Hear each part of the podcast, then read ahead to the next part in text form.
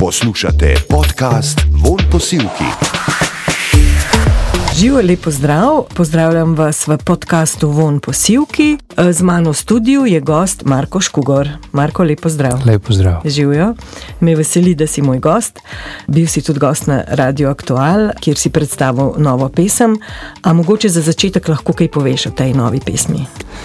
Pa to je pjesma, zove se Kontra neba, ne smiješ ići, što bi značilo kad, kad nebo nešto odluči, spoji neke dvije duše, dvije osobe, onda protiv toga ne treba, ne treba se boriti i treba se tome prepustiti, tako da, eto, na kraju, na kraju ljubavna pjesma, ili kao, kao i većina, ali kaže da eto, protiv neba ne smiješ i, i ljubav na kraju pobjeđuje. Mhm.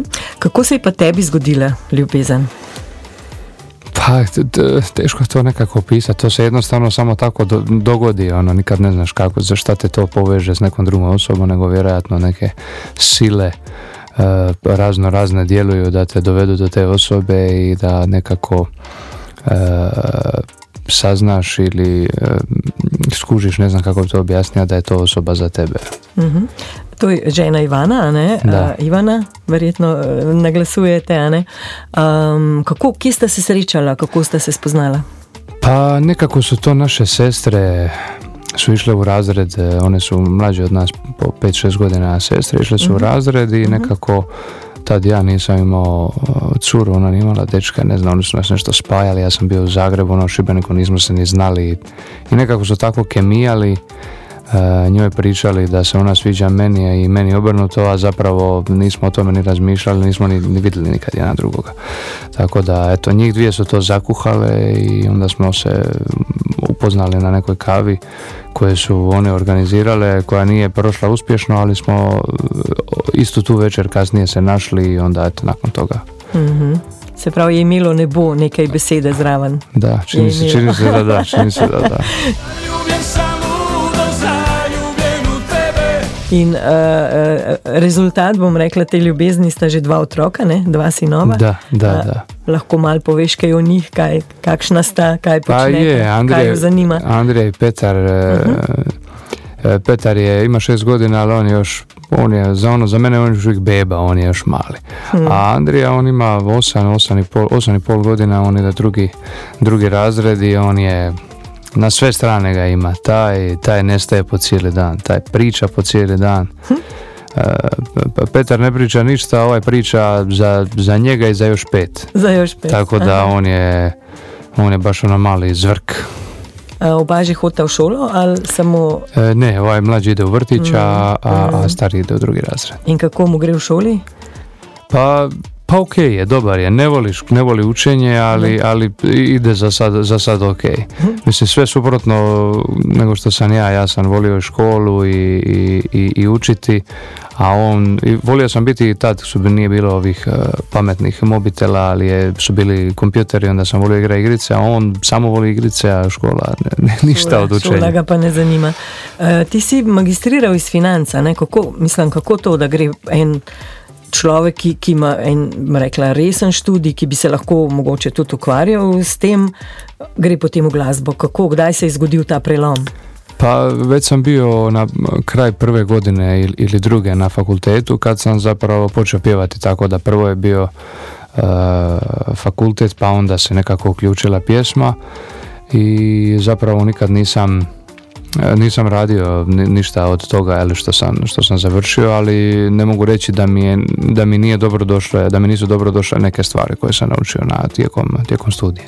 Kaj si pa želel uh, delati, recimo, ko si šel na to ekonomsko, je bila ekonomska fakulteta? Mhm. Ma iskreno nisam ni znao što želim, zato sam nekako kod nas se kaže da kad, kad ne znaš šta ćeš upisati, onda upišeš ekonomiju, pa onda, onda, onda nekako možeš šta, Ja, šta ja. god, ne, nekako život te odvede negdje. E, inače sam najviše volio zgodovinu. To mi je bio najdraži predmet i?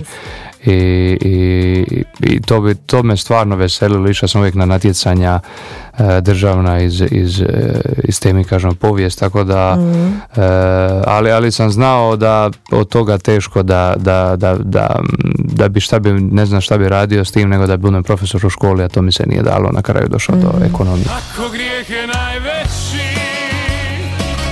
Aha, če bi se odločil tako po željah, po to, kar ti Da, onda, onda bi ja... študirao zgodovino. Da, onda bi ja samo zgodovinu, to mi je, to mm. mi je tako najdraži, najdraži bio predmet u školi. A še zdaj mogoče kaj bereš, ne vem, kakšne zgodovinske knjige?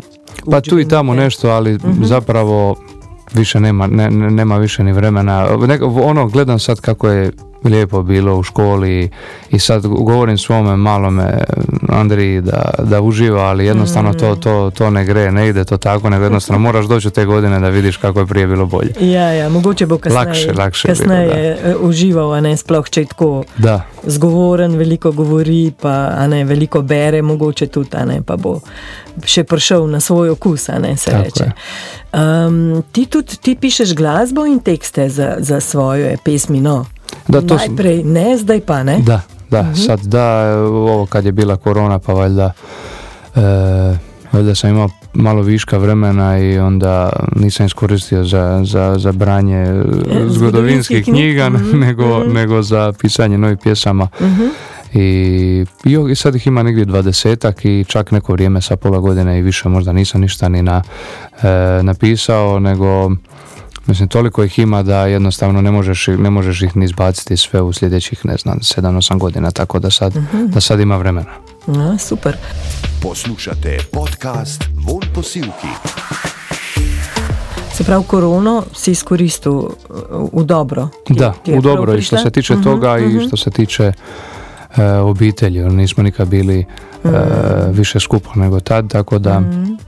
da je to stvarno bilo mm, pozitivno, bar iz tog aspekta i tako da da mi je zbog toga drago, a eto sad kako su krenuli ponovo nastupi, sad opet ne znam kad sam zadnji put vidio, vidio Aha, djecu. Vidiš, ja, ja, se, se je že začela. a Ne? Se pravi, uh, korona je bila pa mogoče, kar se tiče glasbe, nastopov, zaslužka je bila pa mal slabša, ne? Da, Verjetno da, za vašo družino. Puno, puno slabije, da. Mhm. E, pa za, za sve je li uključene u, nisu to samo pjevači, Mhm, to su i prateći glazbenici, ne znam, ljudi koji rade razglase, mark, i svi, svi su ono e, imali dosta smanjene prihode ili su išli u minus, i, ali nekako eto, više manje su se valjda održali, ja se nadam svi i e, da će moći nastaviti dalje, jedino je da, da, se, ne, da se ne ponovi to, to bi bilo jako dobro da ne dođe opet do Mhm. Se- zatvaranja. Se pravi, si odgovoren za več ljudi, a ne, Da, ne samo da, za da, sebe, pa za je. družino. A, ne?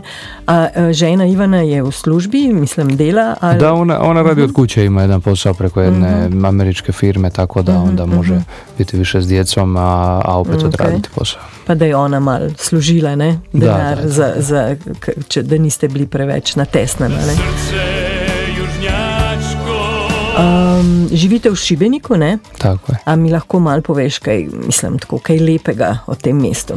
Kaj tebi pomeni? A Šibenik je e, predivno, je, e, predivno je to jedno mjesto. Ljudi su ono malo tvrđi nego recimo u Splitu i Zadru, malo su, ne znam kako bi ih opisao, i teško i prihvaćaju neki uspjeh i tako, oni, to, je, to je baš jedan specifičan grad, ali zato ga ja i volim, jer u Šibeniku možeš proći po ulici i niko te neće ni zaustavljati ni ništa, jer Pa te poznajo, ampak te pustijo pri da, da, da, da, da, tako da to je To ti je specifičan grad, da, to znam da i kad bi Mišo kao i najveća zvijezda dolazi u Šibenik, ono, ma pusti ti njega, nije to naš, on je, on je naš, tako da to ništa spektakularno, kad ja sam iz Šibenika i on je, to je ista ja, stvar. ono. Ja, ja, zanimivo. To je tako jedan specifičan grad, ali je predivan, stvarno predivan, ima puno tih tvrđava, četiri sad obnovljene te tvrđave koje su branile grad prije od ovih e, Osmanlija, Turaka i, i stvarno predivno. Jedan kanal koji vodi do grada, e, dva nacionalna parka ima u u, u, u županiji Šibensko-kninskoj, tako da stvarno, stvarno je predivan. Još sad se diže zadnjih godina, a, prije bio je dosta iza Zadra i Splita, ne znam, pogotovo Dubrovnika, a sad sve više i više dolazi turista i po restoranima, znam, prije dvije godine, već prije dvije, tri godine da sam išao u restoran i ono, ako se ne naručiš, nema, nema šanse dobiti mjesto. Aha, vse je zasedeno, sploh poleti, a ne Da, verjetno. da, a ne? da. Kako je pa po zimi, recimo? A Kako je po pa? zimi kao i svi gradovi su po zimi ono mrtvi tako reći. E, Čak i Dubrovnik koji je koji ima najviše turista u tom prvom mjesecu više ne radi možda, možda dva, tri restorana samo ostanu otvorena, tako da onda nekako tad se život seli u, više u Zagreb i u Zagreb uglavnom. Mm. Uh, kje pa imaš največ nastopov, kje, kje, kje te imajo najrajši ali kje se ti dobro počutiš? Recimo? Pa mislim, bilo je, uh, zadnjih godina je bilo možda više u Hrvatskoj uh, prije, ali sad Mhm. zadnju godinu, dvije, odnosno ove zadnje dvije godine nije bilo baš nastupa, ali uh, nekako osjećam da, da sve više sad u, u, u Sloveniji ima nastupa. A, a iskreno i bolje se osjećam u Sloveniji na nastupima, nekako A, više energije dobiješ nego Aha. od publike nego, nego, nego, nego doma. I sad sam imao koncert u Šibeniku e, nedavno na tvrđavi stvarno bilo je dobro ispunjena tvrđava, ljudi su i pjevali to, ali opet nekako u Sloveniji e, bolja energija. E, ljudi znaju i ove novije pjesme i sve tako da ono bolje se osjeća na koncertima u Sloveniji svakako. No, lepo, boš počasi postal slovenec, ali kaj? Još, još še malo. Prideš z ženo in otrokom Da, baš. živeti živet sem. Da, da. Um, katere stvari so pomembne v življenju? Kaj, kaj se ti zdi, do, do česa si prišel?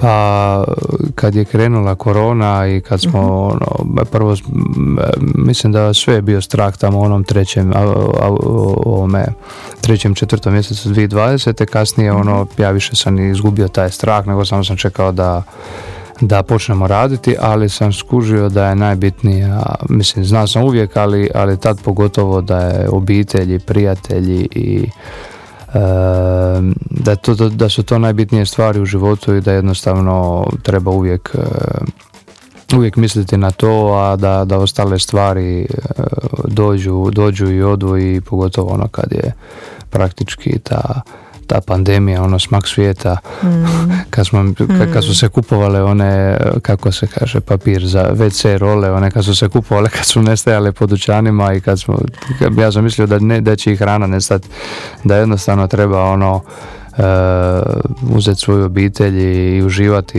i cijeniti svaki taj trenutak jer neka ne zna šta će se dogoditi sljedeće. Mm. Kaj, pa, kaj pa tako počnete z družino, recimo, kadar imate čas, kam greste na izlet ali kaj, kaj delate skupaj? Pa, meni je do- dovoljno da smo mi svi na okupu, pa bili mi u kući, jer, jer stvarno kako sam e, uglavnom na putu često, onda ne vidimo se, onda kad smo skupa, ako smo samo kući i probudimo se ujutro zajedno svi, svi četvero na okupu, onda meni je, meni je, meni je to dovoljno. To je praznik v bistvu Da, za, da, za da, da, ne, zdravi ste, tako da tudi zdravje je pomembno, nekaj se je, naravno, stvari. naravno, to je, to je, to je, Mm. to je najbitnije, zdravlje, jer ono, ako nemaš to, onda, onda sve drugo nema smisla. Mm. Uh, kako se vidiš v prihodnosti? Mislim, aj pač ostaješ verjetno v glasbi. To ti je, kaj ti pomeni glasba, kaj, kaj ti predstavlja, koliko. Sve, A bi znal sve. sploh ja, Da, živeti? te, e, ne bi, baš ono više od e, tog nekog financijskog gubitka me pod navodnike ubilo to što jednostavno e, nije bilo više koncerata i jednostavno teško je možda to nekom objasniti, ali stvarno e, ono, od, pra- praktički e, ne znam kako je to ne, ne, ne pjevati, kako je to ne biti na pozornici, ne, e, ne davati nekako emocije, energiju e, ljudima i onda nekako dobiješ tu povratnu informaciju od njih i vidiš da je njima stalo i da uživaju u tome i jednostavno bilo je stvarno teško bez toga i, i, i u onom vremenu kako je prolazilo vrijeme sam mislio hoće li se ikad vratiti hvala Bogu se vratilo jer ja stvarno ne znam ne znam što bi radio da, da ne radim ovo. Mislim, ne može se bilo šta, svako može raditi bilo šta, ali jednostavno to ne bi, ne bi bio sretan. Glasba ti toliko pomeni, te, Da. te osrečuje. Okay. Najlepša hvala, Marko vam. za tak prijeten pogovor. In uh, se slišiva, a ne se srečava še kdaj? Velja. Okay. No, poslušali ste eh, podcast Von Posilki. Uh, gost, moj gost je bil Marko Škugor in sva se res lepo vse pogovorila. Lepo se majte, adijo. Von posilki.